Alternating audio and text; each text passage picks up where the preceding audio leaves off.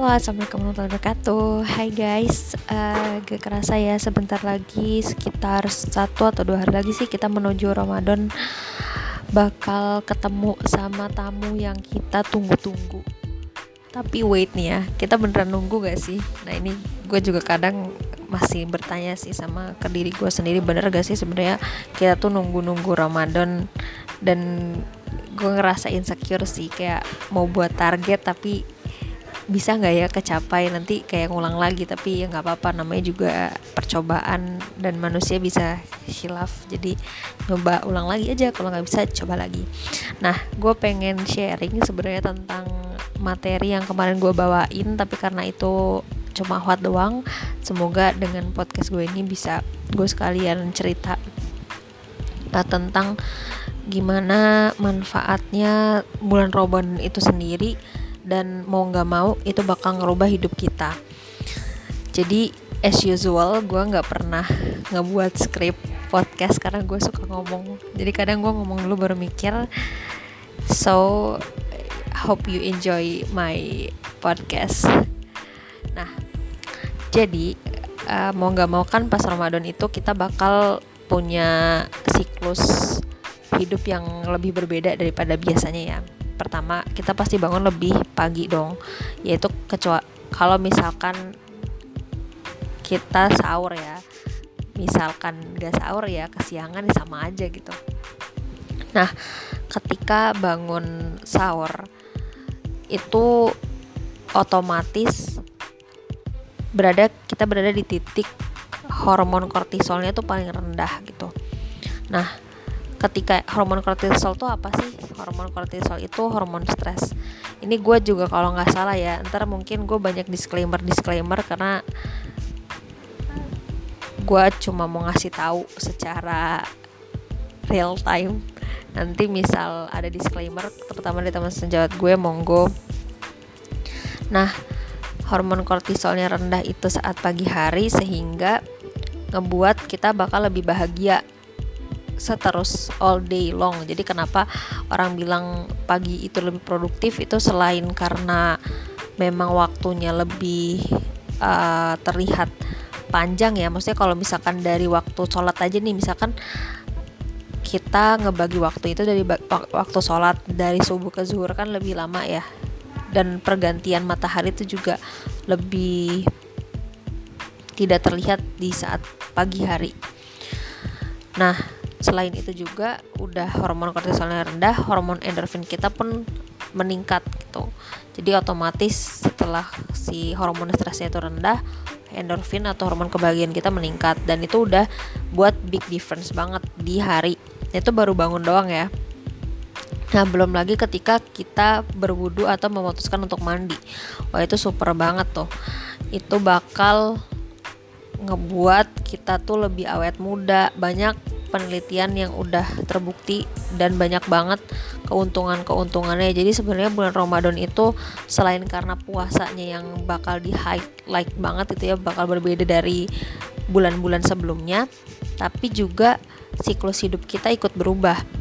Nah, setelah kita udah bangun, kita sholat tahajud, misalkan kita mandi, apalagi kalau rajin-rajinnya banget, ideal-ideal banget tuh olahraga. Gue tuh emang kadang suka mandi kalau gue olahraga dulu gitu. Jadi jadi cara gue untuk memacu diri itu olahraga gue sebelum mandi gue olahraga gitu dan gue emang setiap olahraga gue kayak risih aja kalau nggak mandi gitu itu udah ideal banget tuh. Oke udah tercek ya udah sholat tahajud dan uh, sholat subuh gitu. Sholat subuh terus oh iya kok kok, kok kagak sahur ya? Sahur gitu ya sahur dulu gitu makan secukupnya. Habis itu puasa. Eh sholat sholat sholat subuh gitu kan. Nah kadang nih ya emang suka banget tuh tidur gitu tapi ya udahlah ditahan-tahanin ngapain dulu kek uh, misalkan bisa tuh main HP kalau gue ya. Misalkan kalau gue ngantuk tapi gue kadang tidur juga sih. Misalkan atau enggak kayak nunggu syuruk sih syuruk biar rada gak langsung tidur banget dan abis makan bahaya juga langsung tidur. Bahayanya kenapa? Itu bisa menimbulkan GERD atau gastroesophageal reflux disease. Jadi kayak lu misalkan makan langsung tidur itu bagian penahan jadi kan lu um, mak nih ya kayak saluran saluran apa namanya makan kan ini ada mulut ya anggapnya mulut. Mulut tenggorokan. Nah di tenggorokan itu tuh bakal terbagi dua gitu kerongkongan sama tenggorokan lagi. Nah itu kayak ada katupnya gitu. Jadi untuk nahan ketika kita napas sama ketika kita makan. Ketika kita makan itu kita nggak akan napas dari uh, bagian saluran napas uh, mulut kita gitu kita napas itu dari hidung karena emang katupnya itu yang buat tenggorokan ketutup. Kalau kebuka ya, lu kesedek gitu. Nah jadi uh, di bawah itu juga ada katup masuk ke bawah lagi gitu ya ke bawah tubuh itu ada katup untuk uh, lambung gitu. Jadi uh, makanan dari lambung itu nggak akan naik lagi ke tenggorokan ya ngebuat itu jadi rasa terbakar dan nggak enak rasanya nggak nyaman. Nah habis itu udah kita gak tidur lagi misalkan kita bakal uh, apa namanya ngelakuin kegiatan hari-hari kayak biasa. Nah, target yang paling realistisnya misalkan ada yang pengen hatam sekali, dua kali, tiga kali, empat kali, lima kali, bahkan uh, sepuluh kali atau sehari sekali atau sehari ya Allah dua kali gitu itu masya Allah banget sih. Itu daripada buat muluk-muluk mending coba buat dua target gitu ya yang mana yang realistis yang mana enggak yang mana yang enggak. Bulan Ramadan tuh emang bulan yang masih diperbanyak gitu loh ibadahnya dalam konteks ide idealis ya. Cuma balik lagi ke realisnya pasti banyak kesibukan yang udah numpuk gitu. Apalagi mungkin semakin Ramadan malah semakin padat. Tapi itu bukan menjadikan alasan ya. Yang kayak gue udah pelajarin Ramadan tahun lalu juga bulan Ramadan itu tuh banyak capaian-capaian goals umat umat Islam gitu. Kayak kemerdekaan bangsa Indonesia aja tuh saat Ramadan. Dan kemenangan-kemenangan Islam tuh banyak saat bulan Ramadan. Itu jadi nggak bisa dijadi alasan untuk tidak produktif tapi juga harus meningkatkan ibadah. Dan yang baru juga gue tonton videonya kalau misalkan bener ada pembelengguan dari setan-setan setan-setan yang udah kelas kakap gitu. Jadi kalau misalkan kita masih melakukan dosa-dosa yang receh berarti kita kalah sama setan yang receh gitu. Dan emang terbukti di bulan Ramadan itu tuh kejahatan berkurang. Nah, next lagi kita bakal ke sholat gitu ya. Banyak uh, udah sholat zuhur, sholat maghrib, eh sholat asar dulu. Nah diusahain banget sih kalau bisa sholat jamaah gitu. Kadang susah sih apalagi kalau di rumah misal orang tua sholatnya ke masjid atau eh, misalkan kita masih menganut yang nggak ke masjid terus temen kos susah diajakin jamaah gitu. Ya buat target aja minimal yang realistis sama yang idealis. Karena jamaah tuh dapat 27 kali lipat gitu loh sayang banget. Tinggal tag aja temen yang emang suka gitu sholat jamaah kayak mau untungnya aja gitu mau untungnya aja sholat jamaah. Nah di waktu asar sama maghrib ini oh ya gue lupa juga mention ada koi koi ka koilullah ya koilullah itu tidur siang. Ini juga nikmat banget ya hadis yang katanya tidur siang itu adalah menambah pahala katanya si doif ya cuma kalau misalkan emang capek banget dan tidur itu juga bisa memperbaiki banyak sel, renew sel dan banyak manfaat lainnya gitu. Apalagi kalau sampai ke fase theta. Kalau gue bilang asal nggak berlebihan, depends ya. Tergantung kesibukan lo apa. Kalau emang lagi bisa tidur banyak, why not gitu. Tapi kalau nggak lagi nggak bisa tidur, ya sabar-sabar aja gitu. Karena gue senang banget sama yang namanya tidur walaupun nggak yang sesenang itu juga. Kadang kalau tidur kebanyakan pusing juga. Nah uh, setelah sholat asar ke maghrib ini yang rentan ya. Kayak misalkan ada agenda bukber nih gue juga kayak masih aduh bingung gue ikut apa enggak. Karena gue sayang aja sih kalau misalkan ikut gitu. Pengen tapi sayang gitu ini bulan Ramadan. Jadi ini tergantung ya kepercayaan masing-masing. Ke prioritas masing-masing gitu. Karena di saat asar ke maghrib ini juga merupakan saat-saat doa dijabah apalagi doanya orang yang berpuasa.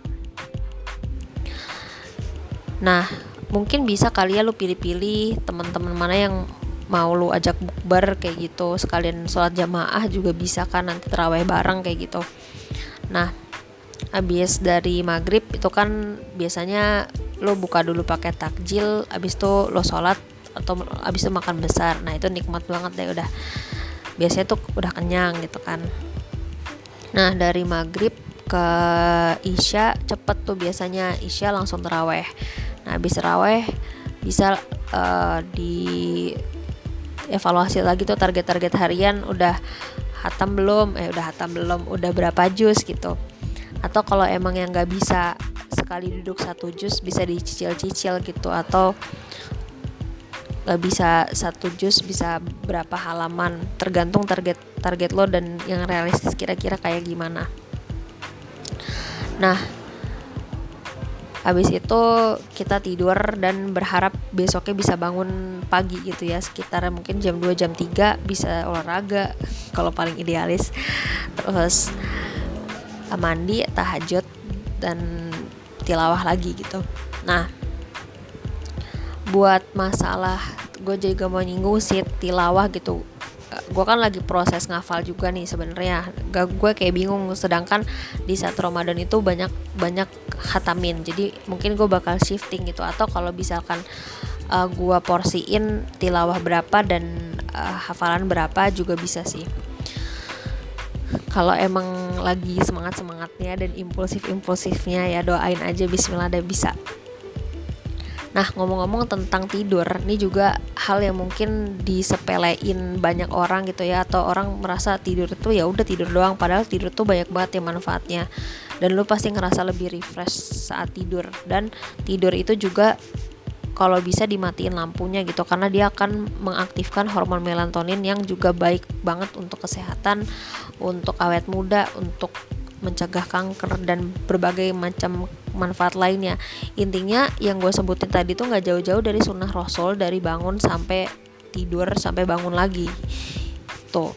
Nah yang juga kadang miss ya. Ini bagi perempuan sih terutama jadwal haid kita itu juga mesti di highlight banget ya karena saat haid itu kita jadi gak bisa terutama sholat ya. Kalau misalkan untuk tilawah murojaah itu kan tergantung keyakinan masing-masing fikihnya gimana gitu. Gue nggak bahas lebih lanjut lagi.